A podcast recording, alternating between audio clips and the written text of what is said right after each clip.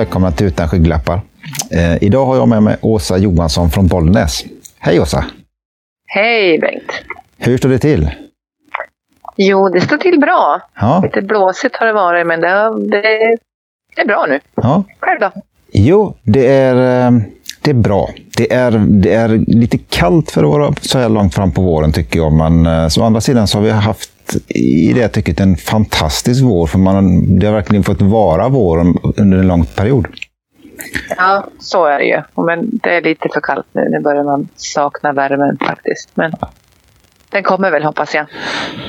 Förmodligen smäller det väl till någon dag här i maj nu och så har vi högsommarvärme med en gång. Ja, så har vi inga blommor till midsommar alls. Då har allting bara tjopp. Precis. Det Det brukar, klart. det brukar vara så. Ja, Ja. så är det. Du, eh, du håller ju på lite med hästar, lite travhästar, lite kallblod och sånt där. Alltså, men jag vet ju inte så mycket om det, så berätta lite. Vem är Åsa? Ja, vem är Åsa? Ja. Hon är en, en ung tant på Okej, 56 år. Ja, Eh, jag har väl alltid haft hästar i min närvaro. Har jag inte haft någon egen så har jag haft någon annan som min egen. Så ja, att säga. Och började väl i, redan som liten när jag var bara några år. Men pappa har ett hästintresse. Han har hållit på med hästar och hjälpt dem som har haft hästar lite grann. Och sen har han haft ett intresse att gå på trav. Och, så det väl, kommer väl från pappa. hade ni egen gård som ni bodde på då? Eller vad menar du med hållit på med hästar? Nå, när jag var liten så var jag, växte jag upp i, i en ort en bit därifrån där jag bor nu. Ja, Då bodde vi inte så vi hade några hästar nej, på någon gård. Men pappa hade kamrater som hade travhästar så att han var där och hjälpte till lite och körde och, och gjorde sådana saker. Och som ung så, så jobbade han på någon bondgård och, och körde lite häst och så. Så att han Okej. hade ett gediget hästintresse. ja, Men eh, jag procentade väl upp det med, med 110 okej. Så att, men det är väl liksom, för mamma hon är rädd för hästar hon, så att jag har inte fått det från henne. Nej. Utan, Eller du har fått Det- hennes kanske? ja, ja, nej så att eh, det har alltid funnits hästar i närheten och hos, jag var mycket hos farmor och farfar när jag var liten och där gick det en, en eh, stor fuxig gardenner på sommaren närmast deras hus. Ja, Och det var ju den stora kärleken givetvis då. Och till mammas förskräckelse så klättrade jag väl in i den där hagen och klättrade till och med upp på ryggen och fick åka med där. Och mamma vågade inte ens gå in och hämta mig hon utan hon ropade nu, nu kommer du hit. nu kommer du hit. så att, och, ja, det finns mycket bilder på mig när jag var liten när jag, när jag sitter på hästryggar hos diverse ja, olika. Men eh, när jag var tio så sökte jag mig till ett travstall och visste väl egentligen inte så mycket mer än att det var hästar där. ja, Det var det som, som drog.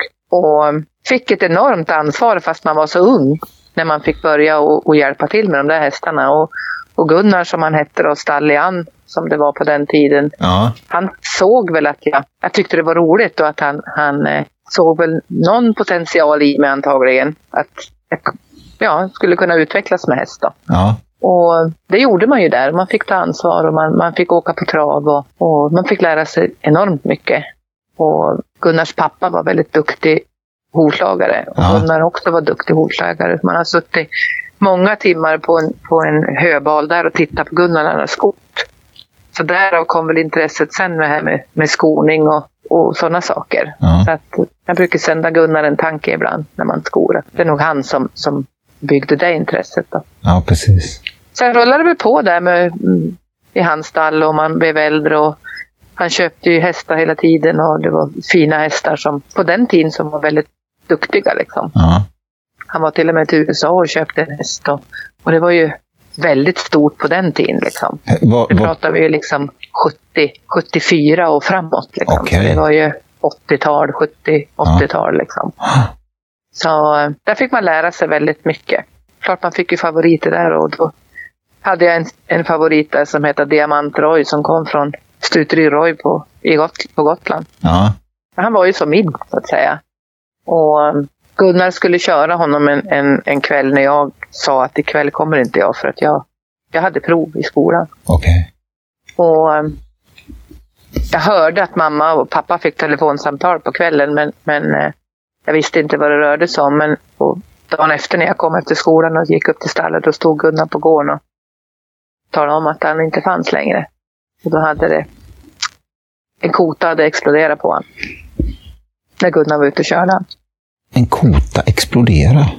Ja, så det blev ju akut Ja. slakt där och då. Och då sa jag det att jag ska aldrig mer ta en travhäst i hela mitt liv. Och det gjorde jag inte heller på, på nästan tre år. Så rörde jag nog inte en häst heller. Och det är nog värsta tre år i hela mitt liv tror jag. Ja, För, alltså, för en som inte som är utomstående, alltså det, det finns väl kanske egentligen bara två vägar i, i Bollnäs. Det ena är hästar och det andra är, är liksom bandy, eller hur är det? Ja, typ. Ja, Så är det. Ja, det är lite så. Och, eh, men eh, nej, jag stod emot där och de, de försökte på alla sätt och vis och Gunnar sa nej, ja men den här, den här skulle passa dig, du skulle, den här behöver du ta hand om också för den här behöver dig och bla bla bla. Så här. Men jag, nej, jag, jag sa nej, jag, jag pallar inte. nej. Så att jag eh, var utan det här med hästar i, ja, i tre år. Ja, Och eh, under den tiden så köpte jag mig två hundar okej. och eh, skulle då försäkra de där hundarna. Och ringer till en, en lokal sån här försäkringsagent då. Och han säger att ja, man ska inte köpa en häst av mig då? Nej, det får jag inte. Men då, däremot hade jag en kompis som var ute och ville köpa en häst. Så vi bestämde att vi åkte upp och tittade på Ja. hästarna. Ja. Och hon åkte hem med en treåring och jag åkte hem med en fölmär. Alltså. Så, att, eh, så blev det lite. Och jag hade den där fölmän ett tag och så var det en bekant som jag har känt sedan förut som frågade om inte jag ville- börja rida en av hans hästar. Och det började jag göra. Och då var det ridning ett tag. Och så hade jag den där fölmän och eh, Var, Tog var, det en, var det en kallblodare då? nej, det var ett varmblod. Okej. Det var det. Och eh, jag köpte henne dräktig. Okej. Och eh, hon eh, fick ett föl och ja, jag har aldrig sett en sån travare någon gång. Alltså.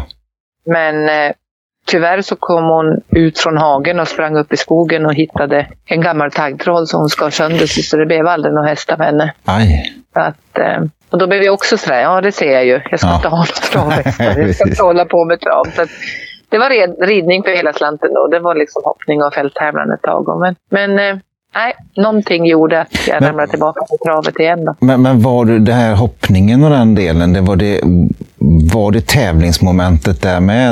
Eller, var det bara för att du hobby? Nej, det var ju tävlingsmomentet det. Det var Ja. ju mycket tävling. Då låg man ju ute och man tävlade mycket och, och, och sådana saker. Och både på klubbnivå och lite större liksom. Så att det, och jag är ju en tävlingsmänniska. Jag är ju tävlingsmänniska ute i fingerspetsarna. Jag säger ju det. Jag, jag klår ju mina barn när de var små.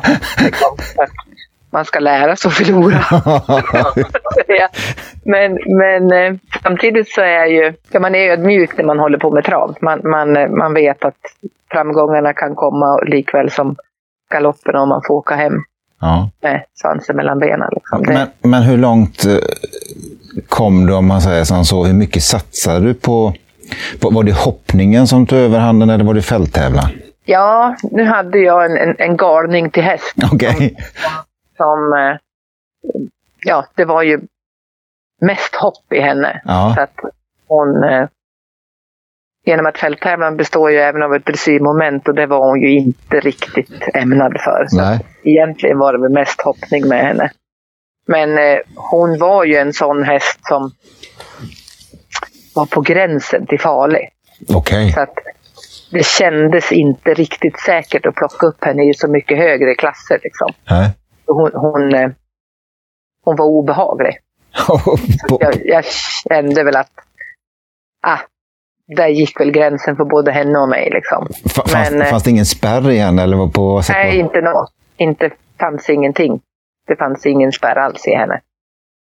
Och eh, hon bjöd på allting. Liksom. Det, hon, hon, hon hade inga skrupler att hoppa över en folkvagn eller hoppa över en kätte med får. Eller, hon bara hoppade. Hon, Okej. att, eh, hon, ja, hon var speciell. Ja. Och hon var speciell hela henne, för det var där också jag fick ta upp det här med skoningen igen. För att hon, eh, hon hatar karar. Alltså. Och normalt så är ju hovslagaren en kar. Ja. Och jag hade ju lite folk runt omkring mig som jag visste var duktiga att sko. Alla som var dit och skodde, med, skodde henne sa sen när de hade skott mig färdigt, ring inte mig nästa gång. och då liksom, ja. Så till slut så, så insåg jag att jag, jag måste börja sko själv. Ja. Det är bara så. Och så började jag ju där då. Ja. Man gick lite små kurser först och sen fick man ju utbilda sig vidare. Liksom. Så, så det var hennes förtjänst att jag började sko. Men, men, men ni var iväg på lite, lite, men kanske lite större tävlingar ändå, eller hur var det med det? Ja, vi får ju lite... Det var ju Falsterbo som var det längsta vi åkte. Det var ju lite halvstora tävlingar i alla ja. fall. Då. Och det var ju spännande att, komma ner till Falsterbo. Ja. Det var ju eller ja, överhuvudtaget där nere. Det är lite mecka för ridningen liksom och, ja. och Flyinge och alltihopa det här som ligger där nere då. Så det var ju lite kul och det, det är jag ju jätteglad att jag fått vara med på, ja. givetvis. Så är det ju. Så att, eh, och jag förbjöd ju mina föräldrar att vara med när jag tävlade för jag ville inte att många tävlingar så kunde det stå en ambulans och ibland även en, en slaktare, höll jag på att säga, en slaktbil om det skulle hända något. Liksom. Så att eh, det behövde de inte se tyckte jag. Nej. Men eh, det var ju så. Det, de som inte har sett en fälttävlansbana, de förstår nog inte vilka hinder det är och vilka konstiga saker man kan bli utsatt för som man inte kan träna för heller. Liksom det var ett hinder man red in genom köket och så sitter det liksom fyra skyltdockor vid köksbord och fikar och så hoppar du ut genom fönstret. Liksom. Okej. Okay. Alltså stora, ja, förstorat allting. Ja, ja. Men, men, hur ska man kunna träna på något sånt? Så man måste ju ha en häst som litar på sig och som är, som är tuff och det var ju hon. Så ja. att, eh, men hon var nästan i tuffaste laget. Liksom. Så att, eh, det var men, lite speciellt med henne. Men, men, jag har inte sett så jättemycket fälttävlan. Man, man har ju sett en del. Alltså, du säger häst, hästen liksom är, är galen, men det säger jag att, det säger att fälttävlansryttarna också är för att det är... Ja, det är det ju. Det är helt sinnessjukt alltså. Ja, och nu har ju sporten utvecklats ännu mer ja. liksom, än, än då när någon annan höll på. I, ja, från mitten på 80 och slutet på 80 liksom. Då, nu är det ju enormt mycket mer och vilken, vilka tuffa killar och tjejer som rider idag. Liksom. Ja. Och vilka hästar de har. Ja. Att, eh, men, men eh, har man möjlighet att gå och titta på en, en riktigt bra fälttävlan, då ska man göra det. För det är, det är mäktigt alltså. Ja. Det är det. Och de, de går genom vatten och de hoppar liksom med höjdskillnader. Och det kan vara många spektakulära hinder. Liksom. Så att, eh, det ska man göra om man har chansen. Ja, men det, det är en häftig upplevelse. Det, men det är det. Man, man, fatt, man fattar liksom vilken, alltså vilken, vilken förtroende som, som häst och människa måste ha för varandra för att liksom mm. våga och klara av dem, en del av de här hindren. Och vilka jävla idrottsmänniskor och djur mm. de är. Mm. Ja, och nu har det ju liksom tagit, dragits liksom mycket längre, för nu är det ju vältränade människor och vältränade hästar. Förr var det väl kanske mera vältränade hästar än vad det var vältränade människor. Liksom. Så är det ju. Ja. Det, har ju det har ju blivit en helt annan sport. Ja. Så är det ju. Jag har med all respekt vad, vad duktig de är. Liksom. Ja. Så att det, ja, det, och vilken kraft liksom. Och det att stå och titta på. Jag har ju varit på Strömsholm en del och man, man har varit där och tittat när det har varit galopp på, på, nere på ängarna där ja. nere. Galopptävlingar där det har körts på gräs. Att bara liksom känna vibrationerna i marken och hästens styrka. Ja.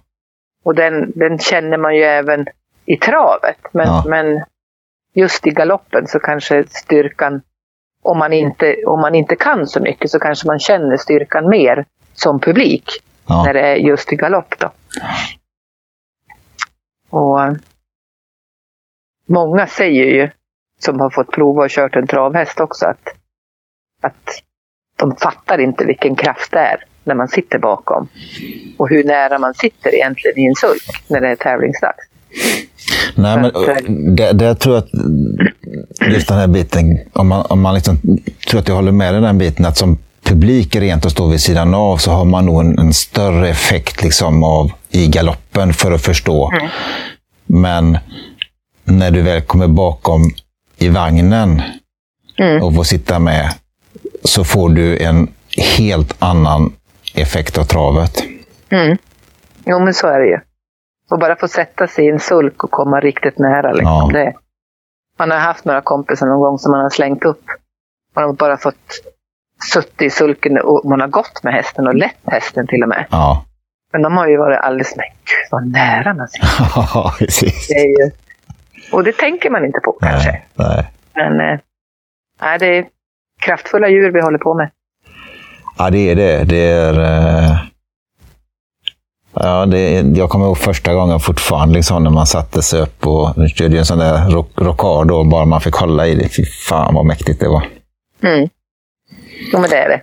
Det är, det är väldigt mäktigt. Ja. Det, jag är glad nu att, att det finns så mycket möjligheter att kunna få prova på. Ja. Travskolorna utvecklas. Man kan prova att köra tandem.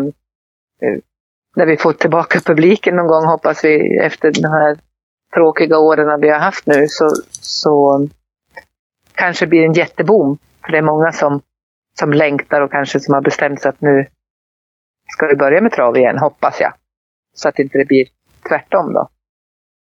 Men eh, just det här med som de kör på travdagar, de får köra det, ja, leda defilering med en tandem rockar då. Det, ja, man, man, man ser leendet på folk när, de, när de har fått prova på. Ja, Och det är ganska häftigt faktiskt.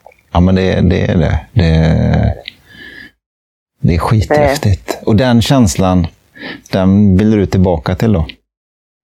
Ja, det vill jag ju tillbaka till. Och sen eh, kände man ju, som jag tycker att eh, vi som håller på med trav, det är en stor familj. Man är familjärt Ja, i en familj. Alla hejar på alla, så det spelar ingen roll om man är lilla jag eller om man är Stig och Johansson, så hälsar man och, och man samsas i, i stallar och, och sådana saker. ja, Och den eh, familjära känslan tyckte inte jag att det riktigt fanns bland, i ridningen då. okej. För det var... Nu ska jag inte sitta och uttala mig, för nu är ju inte jag aktiv nu, så nu kan det ha ändrats mycket i det också. Men, men som jag upplevde det så kändes det som att det var mera... Hade du mycket pengar så kunde du köpa den här bra hästen. Okej. Och i travet, visst, det finns undantag där också. Du har mycket pengar och du kan köpa en bra häst, visst gör det det. Men, men eh, även den lilla amatören som, som har kanske ett litet stall med, med ett par ston som tar ett föl kan ju också hitta ett guldkorn eller få ett guldkorn. Det, den möjligheten finns ju liksom. Och jag tycker att ja, det, det, det är mer familjärt. Man är, man är närmare varandra och man har en annan relation till varandra. Nu kan det ha ändrats, jag ska inte reta upp folk av idag, men, men så upplevde jag det då. Ja, men det, det, det är ju någonting som, som jag har reagerat på också just när man kommer in. att Det, det spelar, spelar ingen roll eh, när, när man går på en stallbacke som du säger, om det är eh, Robert Berg eller, eller vem det än är, så hälsas det och det är... Eh, Mm. eh, alltså, och jag, jag är liksom min absoluta stallbacksfavorit. Och det, är- jag har aldrig pratat med personen, men Nej. det är liksom alltid ett jätteleende och alltid ett glatt hej. Och det är Peter Ingves. Mm. Och det är liksom det, jag tycker ändå det är ganska häftigt. Liksom det är lite den känslan som går, för min väg går igenom hela, hela travdelen. Mm. Ja, han är ju ett stort solsken han. Ja, Det är ju så. Nu, nu har vi ju tyvärr läst om att han, han har haft det lite tufft, men, Ja. men eh, jag hoppas att han är tillbaka igen. Men, men han är han har dolt det bra, för han, han upplever jag också som ett stort solsken, ett stort leende. ja. Så är det ju. Men, men när du själv gick tillbaka till travet, där, liksom, vad, eh, vad, vad köpte du? Började du jobba eller hur, hur gjorde du då? Ja, ja, jag började väl att hjälpa lite folk sådär och, och liksom börja smyga mig på igen då. Och, var det till Gunnar du vände dig då eller vart tog du vägen? Ja, lite grann var det. Men då var Gunnar också i, i, liksom i slutet på, på sitt också. Och det, ja. Men eh, lite grann hjälpte jag Gunnar också. Men sen hjälpte jag lite amatörer runt omkring och jag grejade lite. Och sen, jag har ju känt lite, lite proffstränare och så då, genom, genom Gunnar. Så jag började jobba i ett litet proffsstall eh, på Bollnäs Traver ja. och var där en tid. Och sen hade jag ju utbildat mig till undersköterska så jag jobbade inom vården och så hjälpte jag till lite på helger och kunde åka lite på trav och lite sånt. Så det blev lite så. Men sen ramlade jag tillbaka igen och, till samma tränare och, och jobbade en längre tid hos honom då. Tills 2010 när jag slutade där. Då. Men, men var det? Jan-Olof Åberg här på Bollnäs. Okej, okay, ja. Som jag jobbade åt. Och, ja, då, då blev det ju liksom trav 24-7. Liksom. Det, då, då, då blev det ju det. Men eh, man hade ju två barn där och det, det, det, är svårt att få det att gå ihop alla gånger. Liksom. Ja. Men eh, jag hade väldigt roligt då. Det var, det var väldigt kul med, med de hästar vi hade och som vi jobbade och det, jag hade kul. Ja. Och man lär sig mycket och man träffar mycket folk och, och, sådana saker. Och sen, sen eh, köpte vi eh, mormor och morfars hus, säger jag. Men mormor och morfar arrenderade det här stället. Dem. Ja. Och de ägde det aldrig, men den som ärvde det efter, efter tanten som mormor och morfar arrenderade av, de skulle sälja och då köpte vi det. Så att nu är cirkeln sluten att man är tillbaka hos... För mig är det alltid mormor och morfar, för jag, de, jag har ju inga annat mormor och morfar. De har ju bott här så länge jag Ja. har funnits. Så vi... Eh, min sambo han tycker om hästar, han har fast under huden. Då, så vi. Ja. vi, vi, vi, vi har ett gemensamt intresse där i hästkrafter, men, men eh, vi tänkte bygga om det. Det är ju en lagård och grejer. Vi Ja. tänkte bygga om det, men vi sa vi kommer aldrig få det, någon av oss som vi vill ha det. Så vi, vi byggde ett helt nytt stall då, och Alltså. eh, gjorde ett, en, eh, ett garage i ena änden och sen är det en selgång med dusch emellan och så är det stallet. Okej.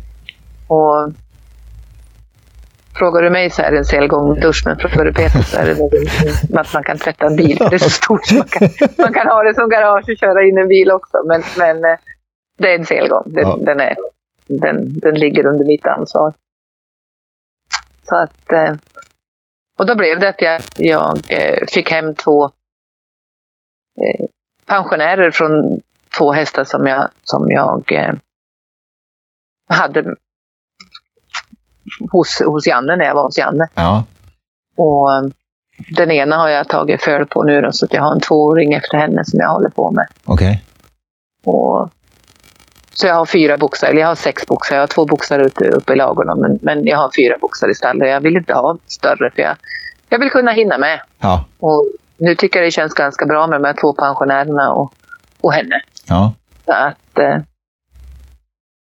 jag trivs med tillvaron och jag trivs med att ha dem hemma nu. Att man, man kan gå ut och man kan gå ut och ställa sig och sko, men man, men man är hemma, man är tillgänglig. Nu är ju är det bara sonen som bor hemma. Han är ju 17 så att, så att eh, han är väl inte så intresserad av att ha koll på mamma. Men, men eh, jag finns ju här Ja, precis. om jag behövs. Så att säga. Ja. Och jag tycker att det, det är en skön tillvaro nu med hästarna. Ja. Här är. Så att, eh, fastän jag har hållit på så mycket och hållit på så har jag aldrig haft en amatörlicens. Men den, den ska jag plocka ut nu. Så att mm, jag får Så du, komma igång med min tvååring ordentligt. Okej, så du har aldrig haft en, en egentränad häst tidigare då i det läget? Nej, utan de har stått på andra eller, eller jag har haft andra så, och, och hjälpt dem att träna. Okej. Så har det varit. Ja. Det, det här ska bli en ny grej. Häftigt. Det ska bli roligt. Ja. Ja, det är jätteroligt. Du berättade lite när vi snackade vid tidigare om en, en häst som heter Österbo. Mm.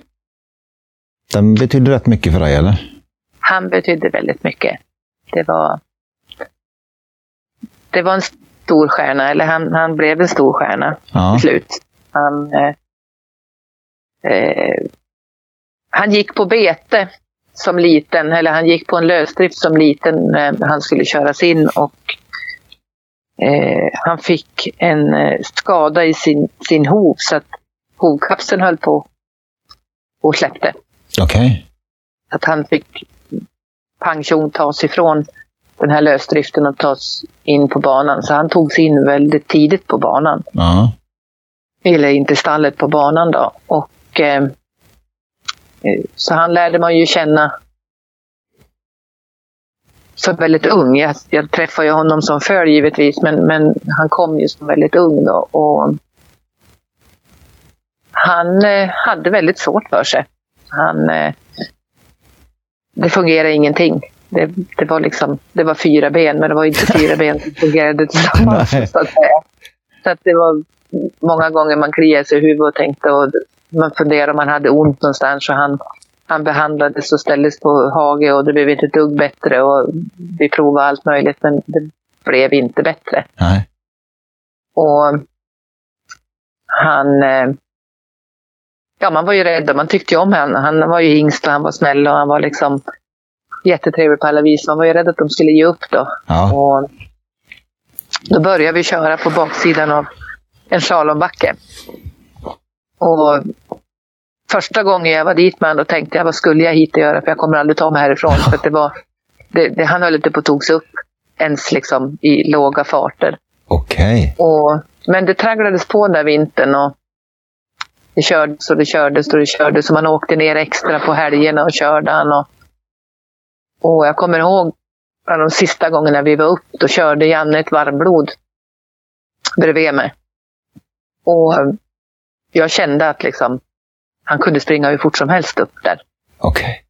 Och jag tittade på Janne och så när vi vände där uppe så sa jag, körde du det som gick? Ja, jag hade nog tot. Mm. jag bara, för det hade inte jag. Okej. Och då tänkte jag så här, men jävlar. Ja. Han, har liksom, han tog verkligen till sig den där träningen. Ja. Och sen eh, fick han ju trappa ner lite och gå lite jobb och blev lite rakbana och så körde Janne ett jobb med honom. Han, han gjorde en, en medioker eh, kval sent som tvååring. Ja. Och det, det satt väl på näthinnan på, på både ägarna och på, på Janne. Och så körde Janne ett jobb med honom. Så anmälde vi han till ett bygdetrav. Bara Ja. för att han skulle få lite loppkänsla. Ja. Och eh, det vann han med nästan hela upploppet. Och alla bara stod och gapade. Okej. Utom jag. Ja. För jag visste att han att det fanns där. Ja. Sen dryga veckan efteråt så gick han ut och debuterade på, på Hagmyr och, och vann med lika mycket där. Då. Och eh, han var ju den här årgången när, när Jan-Olof Persson hade Halsta Lotus och de här fina hästarna som han hade. Då. Ja. Det var ju en tuff årgång. Men eh, han gjorde väldigt bra ifrån sig. Så han, han satte svenskt rekord där som treåring på vann jämtlän, jämtländskt uppföljningslopp i Östersund. Och satte ju svenskt rekord då. Och eh, han vann sitt försök till kriteriet och kom ju till kriteriet med, som stor favorit. Och jag är väldigt skrockfull. Okej. Så att eh, jag tycker att många gånger när de kommer och intervjuar folk och de gör reportage om en häst eller någonting sånt, då förlorar den alltid. Ja. Så att jag är väldigt skrockfull sådär och, och när vi kommer upp och lastar ur han ur transporten så ser jag att han, hela svansen är full i skit. Han har runnit ur han. Och det var ett tecken som jag inte hade sett förut. Nej. Jag förstod att någonting inte var som det skulle. Så jag fick börja med att gå och tvätta honom i svansen. Och när jag håller på där inne och så kommer det, jag kommer inte ihåg vad hon hette, den här reporten som var på, på, på travet då. Och ville då göra ett reportage och jag säger nej. Och hon bara tittar på mig precis som att, och vilken planet kommer du ifrån då? Ja. "Eh, Vadå nej? Ja, nej, jag vill inte göra några reportage. Ja, men, ja, men han, han är ju favorit. Ja, det spelar ingen roll om han är favorit. Han, jag vill inte göra några reportage. Och, nej men, ja, men varför då? Ja, men igår så jagade Åke Svanstedt hela dagen. Hur många segrar tog han? Ja, det är liksom, nej, det, nej. Så att, vi får gärna göra ett reportage efteråt när vi vet hur det har gått. Men nej, jag vill inte. Nej. Och de filmade ju mig när jag var ute och gick med honom och liksom sådär, men, men det blev inget reportage. Och nu kommer inte jag ihåg, men jag tror att Jan-Olof Persson hade det året, hade han fem hästar i finalen. Ja. Nu kommer jag inte ihåg exakt, men han hade många i alla fall. Ja. Och eh,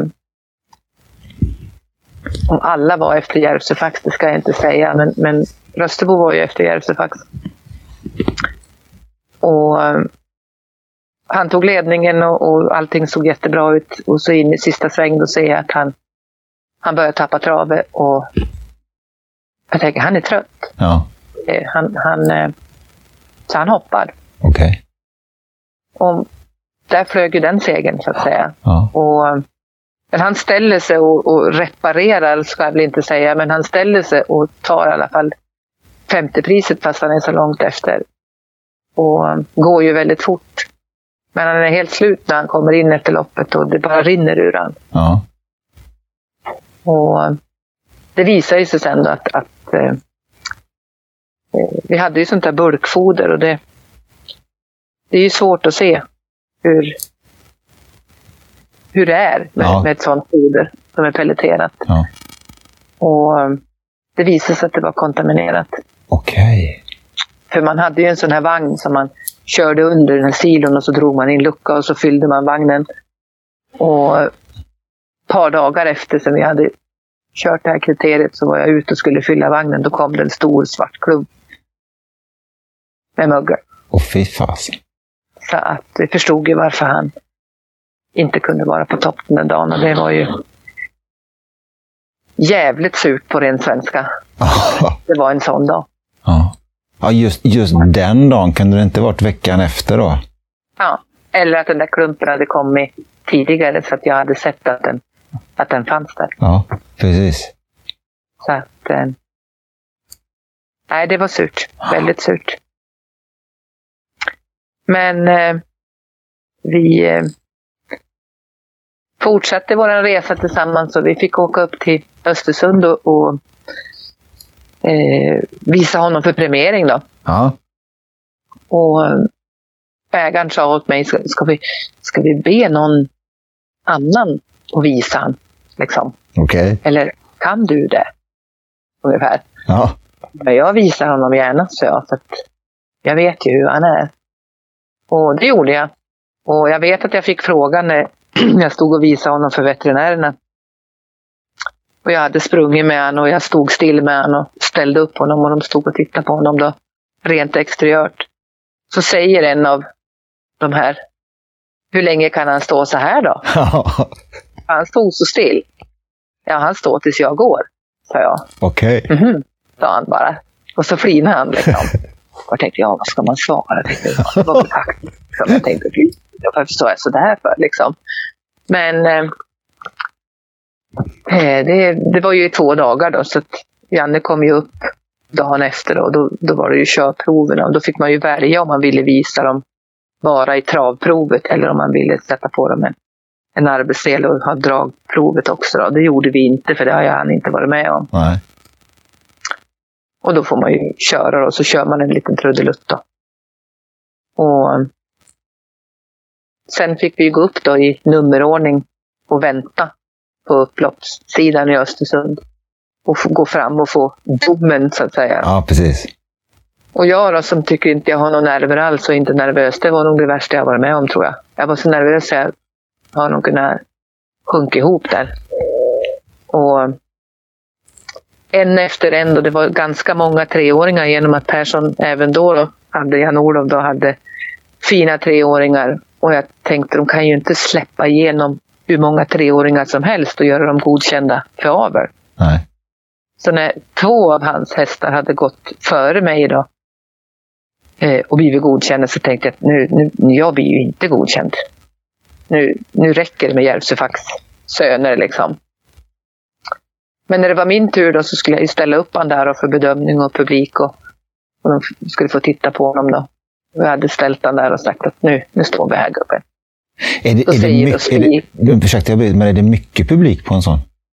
Ja, och det var ganska mycket den ja. gången faktiskt. Ja. Så det, det, ska jag väl inte säga att det är mycket, men, men, men då var det ganska många som var där och tittade. Ja. Och så säger spiken så här, ja men först innan vi ska göra bedömningen på Rösterbo så ska vi dela ut ett pris till Åsa. Okej. Okay. jag bara, va? Liksom. Och jag var ju så inne i, i, i det här. Jag liksom bara, och då fick jag för bäst visad häst. Nej. Och jag tappade ju liksom koncept och Rösterbo tyckte det var jätteroligt. Nu har mamma tappat helt. Så han började latcha och studsa och hade jätteroligt med mig. Jag bara, men ge dig liksom. Så där får du inte göra. Vi måste stå still nu och lyssna. Så jag ställde upp honom igen där och så bedömde du, eller ja, var det ju en öppen bedömning då. Ja, du som har, som har hållit på med, med hundutställningar och grejer så vet du hur det är när man har en, en öppen bedömning. Ja. Talar om alla fel och brister tycker man ju att de säger bara. Ja. Man hör ju nästan inte det som är bra. Men så säger de då beslut godkänd. Ja. Och jag liksom bara sjönk ihop och jag, tårarna rann och de kom och gav mig de här blommorna och de här, vad heter det, hederspriset jag fick för bästa visade häst. Och, och jag ringer till, till ägaren och jag griner och jag, är så lycklig så det finns inte. Då. Så att, eh, och bland de första hästarna som vi gjorde sen då när han fick börja betäcka, den, den, den har jag i stallet idag. Ah, så. Och det är ju en kopia av sin pappa. Okay. Skulle jag ställa dem bredvid varandra så är det nästan så man inte kan se skillnad på dem. Okej. Okay. de är ruggigt lika varandra. Ja. I teckning och i färg och allt är de väldigt lika varandra. Häftigt. Hur gammal, hur gammal är den? Eh, Rösterbo eller den jag har? Den du har? Den jag har, han är 16. Ja. Mm, så han är en glad pensionär. Ja. Rösterbo är 21 idag. Ja. Så att, eh...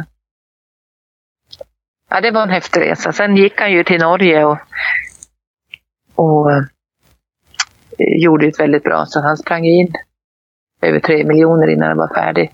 Och, men han fick bekymmer med, med är frisören och kom ju tillbaka till Sverige och nu går han som en gårds och ridhäst någonstans i Norrköping tror jag han. Mm. Så är det. Men det är ändå häftigt att och liksom varit med om och, och fostrat en häst som har tjänat tre miljoner.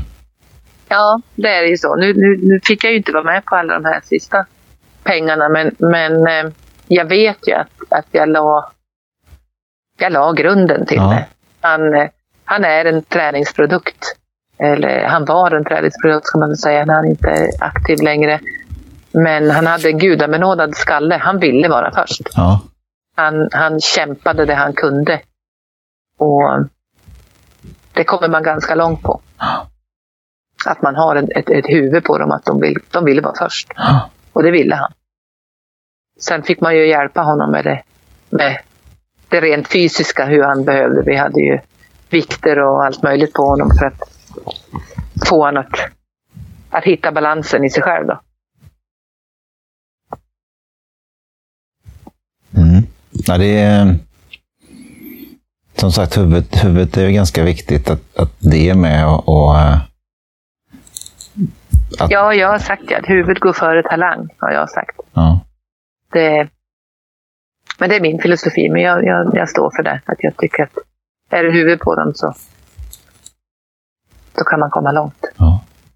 För du, du, du har mycket den här filosofin, typ någon typ av horsemanship, eller hur, hur tänker du egentligen när du jobbar med dina hästar?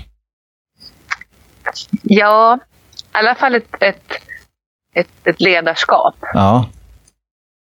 Och det, och det har man väl kanske också med sig just det här med, med hundar och, och och jag vill ju att, att hästarna ska, ska se mig som ledare. Ja. De, de ska vara trygg med mig som ledare oavsett i vilken situation vi hamnar. Liksom. Ja. Och det är ju individen som styr där. Man behöver inte vara benhård att de ska gå exakt som, som mycket i horsemanship. De ska gå bakom, de ska stanna när du stannar, de ska inte gå förbi dig och sådana saker. Men, men det är lite individen som bestämmer det också. Ja. Eh, Den här som är två nu, hon, hon går bakom och hon stannar när jag stannar. Och hon... Men henne har jag ju präglat från hon var nyfödd. Så att, eh, men sen hästar som, som man kommer på och får kontakt med när de har kommit en bit i livet, då får man ju anpassa sig lite grann efter förutsättningarna. ja, just det.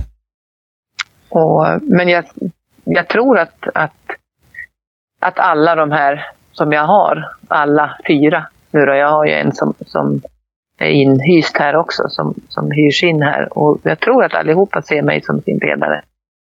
Och jag tror att det är ganska tryggt i stallet när de har en, en, en husse eller matte som de ser som sin ledare. Ja. Jag tror att det förenklar i många situationer. Och det, och man lär sig av det. Eh, jag har märkt många gånger med hästar som jag knappt har hållit på med, de har haft problem att lasta dem. Och så får jag prova. Och så går de med mig. Och det tror jag att jag är för att jag har lärt mig av, av mina. Och att jag kan ta den där rollen som ledare och då följer de med. Men, alltså, det, det, där, det där pinsamma att, ha- att ha en häst som inte kan lastas, det, det har jag varit med om i flera omgångar. Men framförallt märkte jag det med, med den allra, allra första hästen vi hade. Eh, Ett, ett eh, 14-årigt fuxsto som vi hade köpt till mellandottern. Och hon ville inte lasta sig. Och vi stod och höll på och greja med band och all möjlig skit.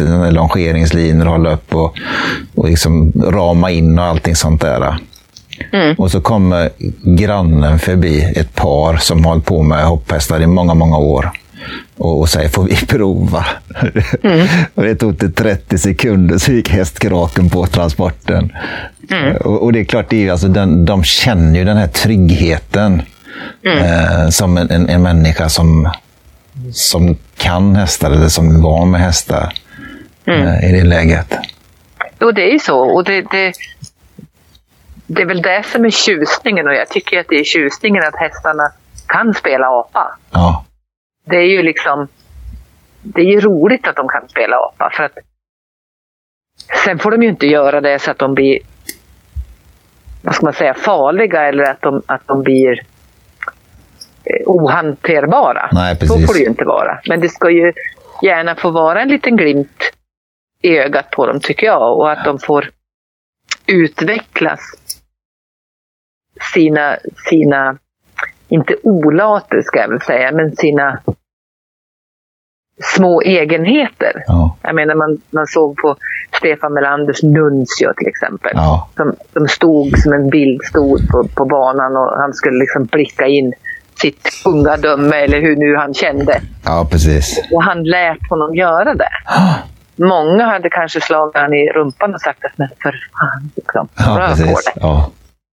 Och det är inte säkert, jag kan ju tycka att det, det kanske är så därför att de, då ger de tillbaka. Då blir det lite världsstjärnor av dem. Ja. Istället för att man, de ba- bara ska foga sig och foga sig enligt ägarens mall. Jag tycker att de måste få de måste få utvecklas som individer.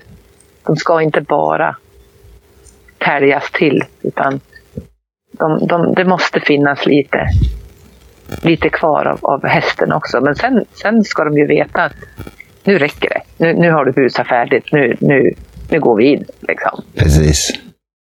Och jag tror ju att vi, vi nämnde ju det lite grann att man, man har eh, om man har haft hundar, att man, man har lite det i sig. Nu, nu kan man brotta ner en hund på 42 kilo och tala om att det där gör du inte om. Det gör man ju inte med en häst, men då gäller det att vara steget före Ja. hela tiden.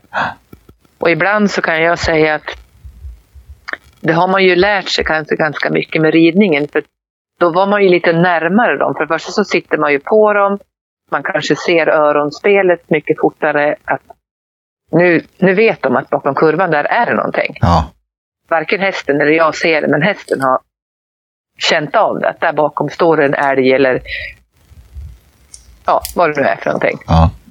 Det kan man ju tappa lite grann när man sitter och kör häst. För att man, man ser kanske inte öronen lika bra och man har kanske inte samma känsla alla gånger i tömmarna heller. Nej. Beroende på vad det är för häst. Utan helt plötsligt har hästen tvärvänt. Oh shit, vad händer nu liksom? Då var man inte med. Nej. Men eh, det tror jag också att man har fått av ridningen. Att, att man har lite mera koll på, på hästens signaler. Ja. Därför att, och det kan du ju göra i en vagn. Att tvärvänder hästen så kan du åka ur och det kan bli enorma konsekvenser av det. Men när man satt på ryggen så ville man ju inte heller åka i backen. Nej. Då, hade man ju, då lärde man ju sig det där signalsystemet på ett annat sätt. Så det, jag tror att man har mycket nytta av att, att eh, både rida och köra hästar. ja. Så är det. Jo, men det, det är klart att det, det är två helt olika sätt eh, att göra. Men just det här med hur, hur hästarna är och, och personligheten och sånt. Du berättar. Du har en häst, jag vet inte ens om det är den riktiga namnen som du kallar greven. Mm. Eh, och du, du berättar lite om eh, hur du skulle få in hästar ifrån någon annan. Eller han gick själv i hagen och hade bara kompisar i grannhagen. Eller hur var det? Då när han fick stryk. Nej, när han fick sina kompisar. Ja, ja, ja. Ja. Han hade ju, ja precis. Eh, han... Jag hade ju han och, och, och Gersa här i, i eh, eller hans syster var det då. Jag hade inte fått Gersa då. Jag hade han, han och hans syster gick här tillsammans. Ja, Och så skulle då hans, hans två systrar till, eller en syster till komma, hans mamma och så ett varmblodssto som uppfödaren till greven hade hemma. ja, De skulle komma hit och gå på bete. Så det skulle gå fem hästar här på bete. ja. Men greven hade ju då lärt känna grannens hästar som gick på andra sidan vägen. ja.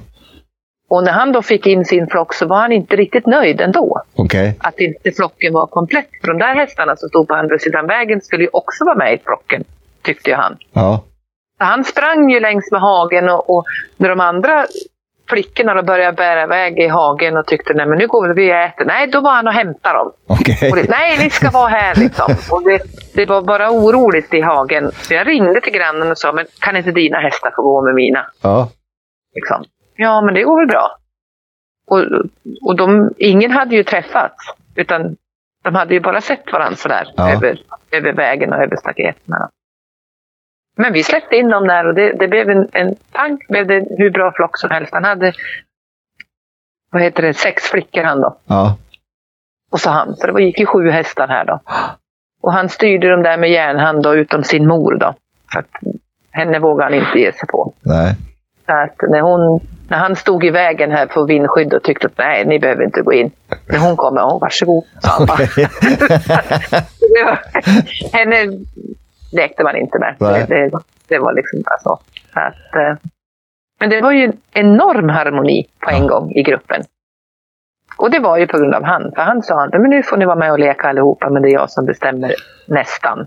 Ja, precis. Som morsan då. Men, men, och, ja, det, det är roligt att se hur Ja. de, hur de eh, pratar med varandra Ja. det är fascinerande. Jag kan sitta i timmar och titta. Jag har en altan med en glas eh, eller en hel glasvägg mot hästhagen. Och jag kan sitta där inne och de vet inte att jag sitter och tittar på dem heller. Och då, då får man ju verkligen se hur de pratar med varandra. Det, det fascinerar mig hur de, hur de kommunicerar. ja, men så små Och det försöker man ju ta över, eller ta, ta efter också. Man försöker kommunicera på samma sätt med dem. När man jobbar med dem. Ja. Så det är kul. Och det, alla har ju sin filosofi och alla har sin tro. Och, och när man har jobbat med hästar på en travbana, nu, nu var vi en väldigt bra travbana, nu har de väl ändrat lite grann, men då när jag var där så var det väldigt mycket hagar och hästar fick vara ute väldigt mycket och, och, och så. så att, men de gick ju oftast antingen två och två eller ensamma och vi hade ganska mycket hingstar som gick själva. Och jag såg ju att det fanns en flockmentalitet med de hästar som var i samma stall. Ja. För vi hade ju hästar från andra stall som gick runt omkring oss och de, de hästarna när de höll på och härjade och lekte eller busade så brydde sig inte mina hästar Nej. om vad de gjorde. När deras skötare och, och, och tränare kom och hämtade dem så brydde de sig inte. Men, men när jag kom eller tränaren kom, då brydde de sig. Ja. För de hade väldigt koll på vilka som tillhörde dem och inte. Och jag fick ju en, en häst efter Österbo som, som var hans bror som, som hette Vassing. Och han var också hingst och väldigt speciell. Och, och de hade ju en, en, en mamma som hette Korenka och hon, hon präglade sina hästar väldigt. Och det var väldigt fina hästar och, och trevliga hästar. Men, men uttrycksfulla hästar om man säger så. Ja. Och jag hade släppt ut alla hästar och gick och vattnade, eh, fyllde vattenvargarna åt dem. Och fick se att Vassing var upprörd i hagen. Ja. Och jag kunde inte förstå. Vad, vad, och när jag gick emot honom och han skrek åt mig och liksom, men vad är det? Vad, vad, vad, vad, vad vill du liksom? Och han bara ställde sig och tittade åt ett håll. Och jag bara, vad är det som händer? Jag, jag såg inte, så jag gick upp på, på det, såna här rörhagar. Så jag ställde Ja. mig på rörhagen. Så jag såg lika högt upp som han såg. Och då fick jag se greven hängandes över ett staket. Och den andra hästen som gick i hagen bredvid hade huggit tag i nacken och försökte släpa honom över till honom. Och fy fasen. Det var fight. Det var därför jag sa, var det då när han fick stryk? Sa jag. Ja, just det. Men, eh, och jag började ju bara springa för jag insåg ju att det här kommer gå på tok. Ja. Och då var det en varmblodshingst som, som vi också hade i, i stallet. Då. Och de här gick jämte varandra, men det var ju mellanrum mellan hagarna. Ja. Men kanske inte tillräckligt då. Men eh, jag hade tagit av dem grimmorna för att de skulle inte kunna ta tag i varandra. Nej, De precis. nådde varandra. Nej. Men på något vis hade den här fått tag i greven och släpade honom över, över rörhagen. Så greven hängde helt apatiskt och den här bara högg och högg och högg och högg. Och fy f- Och försökte ta honom ordentligt då.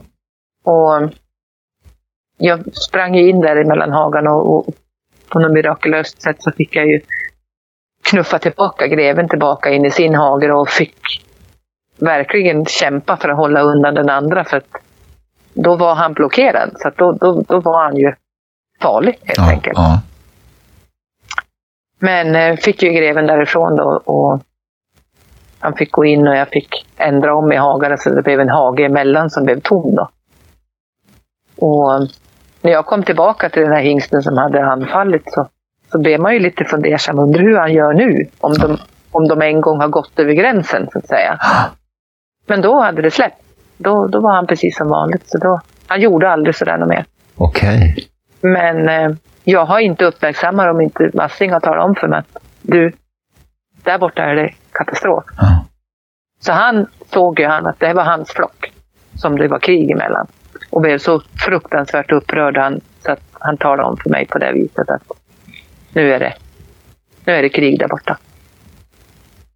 Och um, jag tror ju att folk, eller att folk ska säga hästar har, har den här flockmentaliteten även om de går i en hage bara jämte varandra.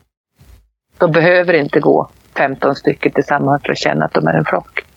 Utan de är en flock när de, när de bor i samma stall. Mm. Och för det man hör många gånger att det, nej, men de ska gå tillsammans och de ska gå tillsammans. Och så blir det skador och så sparkas det. Eller, och det behöver ju inte vara för att de är elaka utan det kan ju vara ett glädjesprång som tar illa. Liksom.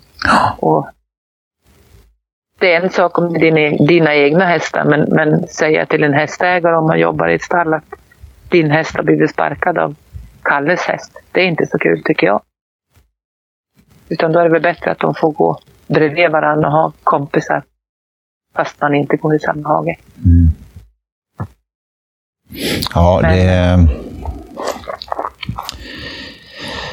Det är ju en, det är en eh, vad man säger som, man ska inte säga balansgång, men det, det, är ju, det är ju just den biten att de, att de känner att de har någon. Och det, det är klart alltså att de står ju i, i stallet och tillsammans med, de ser ju varandra egentligen dygnet runt. Så det är mm. klart att de, de skaffar ett band på ett eller annat vis. Mm. Jo, men det gör de ju. Och, och hästar som trivs ihop, de, de, det räcker att de åker hästtransport någonstans tillsammans. Så, så kan de ju ha bonda på vägen upp. Liksom. Ja, precis. Att, eller på vägen ner, vilket håll man åker åt. Men, men eh, nej, jag, jag tycker att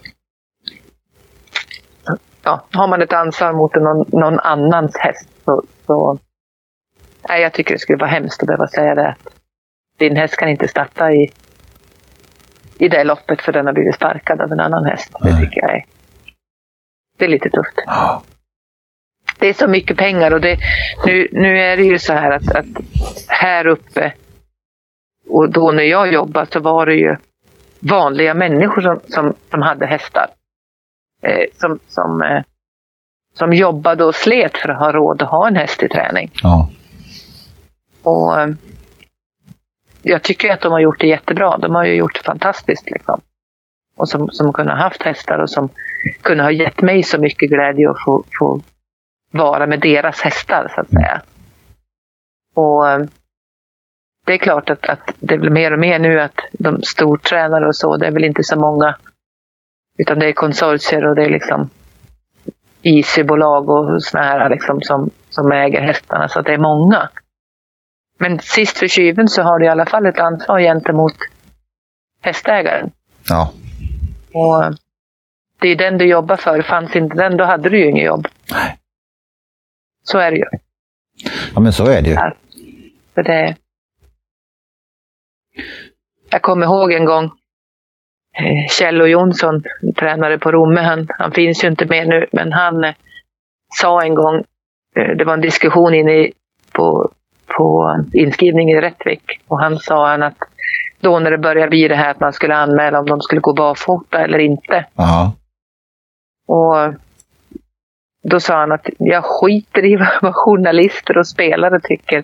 Jag sätter hästen i den ordning så att den presterar bäst för min hästägare. Ja. Och om då jag vill rycka skorna två minuter innan start, eller om jag måste berätta det liksom en timme före, det vill inte jag ta menar han. Nej. Utan han tyckte liksom, har jag varit ute och värmt, tycker att nej fan det känns inget bra, vi chansar, vi river skorna eller vi gör någonting. Då måste jag kunna få göra det för att jag har en, en arbetsgivare inom citationstecken som heter hästägare. Och det ligger lite i det, tycker jag. Ja, men det gör det. Det, det är ju ett förhållande som jag tycker att man kan uppmärksamma. Ja. Som vad, vad hästägaren betyder. Eh, ja, men så är det. Och det för hela travet. Har, nu börjar det väl, men ett tag så, så blev hästägaren väldigt liten. Ja. Men eh, de har börjat förstått betydelsen mera igen nu. Att, att och det behövs så lite för att en hästägare ska känna sig uppskattad en, en travdag. Att man, man, man kanske blir, får någon typ av VIP-plats på, på, i något hästägarrum eller, eller så som, som var väldigt viktigt förr men som försvann ett tag. Mm. Och, men nu börjar komma tillbaka. Och det Ja, och lika för uppfödare också då, givetvis. Som, ja. som strävar på. Nej, men det, det, är ju, det är ju, alltså, jag tycker vi ska se det vi håller på med som en upplevelseindustri. Mm. Eh, att, att det är en upplevelse som vi skapar på ett eller annat vis. Och, och mm. Den upplevelsen ska vara lika positiv vare sig det är för spelare, hästägare, tränare, skötare eller veterinär. Mm. Eller vad, alltså det ska vara en positiv upplevelse. Mm. Eh, och, och det, det är det vi måste utgå ifrån på alla håll och kanter. Ja, och för att inte glömma bort hästen. Det ska vara en positiv upplevelse för hästen. Ja, har den en del i det här med, säger du? Ja, liten, liten, liten bit. Nej, men det är ju Nej, så. Det, ja. Och det är som vi har pratat för att man, det, man kan se en, en, en bra prestation i hästen fastän den inom situationstecken igen då bara blev femma. Ja. Så har den gjort en, den kanske har gjort en startgalopp och tagit igen sig eller.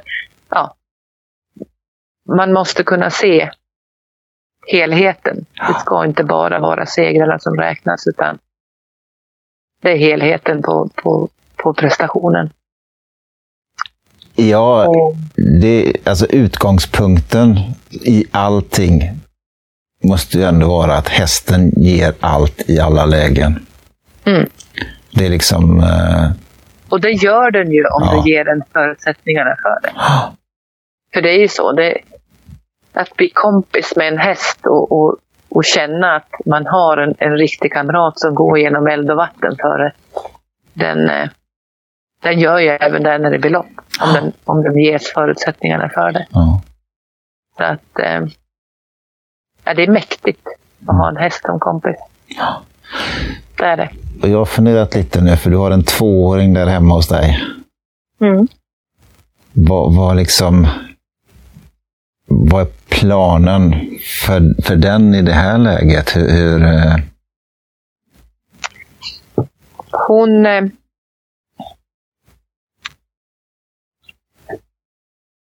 hon har ett epitet på sig, det skyndar långsamt. ja, Hon eh, har ju en mamma som har väldigt mycket nerv ja, och eh, eh, hade lite betong i sandlådan som, som, som ung och hade lite tufft med, med den här biten med, med, med människor. ja, Och eh, även om jag ser det i, i, i, i hennes, hennes barn också, att, att det finns en viss nerv i henne också, så har hon en viss, eller viss, hon har en väldig trygghet i mig. ja, Vi känner ju varandra utan innan. Jag har varit med och tagit fram henne liksom och, och hållit på med henne från dag ett. Så hon är ju väldigt trygg i mig. Men jag ser ju att det finns en viss eh, flyktbenägenhet och en viss eh, snabb i tanken. ja. Det gäller att- att då vara ännu snabbare i tanken så att inte det, det händer något. Nej. Så att jag skyndar långsamt med henne. Och för det, det finns en, en väldig potential i henne som det ser ut idag. Ja, Det vet man ju inte, det kan ju ändra sig fort. Men eh, idag känns det väldigt bra. Så att eh, jag har inget mål egentligen mer än att vi ska klara av det här tillsammans. Hon ska hon ska inte stressas in i någonting. För stressar jag henne och det blir fel en gång, då har jag hennes mor igen. Ja, Och det tycker jag inte att jag ska behöva. Utan jag vet förutsättningarna och jag vet att, att eh, jag måste ta det lugnt. Och känner jag att hon inte förstår vad jag vill, om hon inte riktigt är där, då backar jag hellre en par veckor och så när hon förstår att ja, ja, men det är det här hon, hon begär av mig nu, då, då kan vi gå framåt igen. mm. Så att eh, hon är en väldig utmaning. Är hon. Men eh, jag tar den gärna och jag, jag tror väldigt mycket på henne. Det gör jag. Så vi får se vad det blir. ja. Men eh, det är väldigt roligt i alla fall. Hon lär mig väldigt mycket den här unga hästen. Hon är, och sen är hon, eh, hon är otroligt...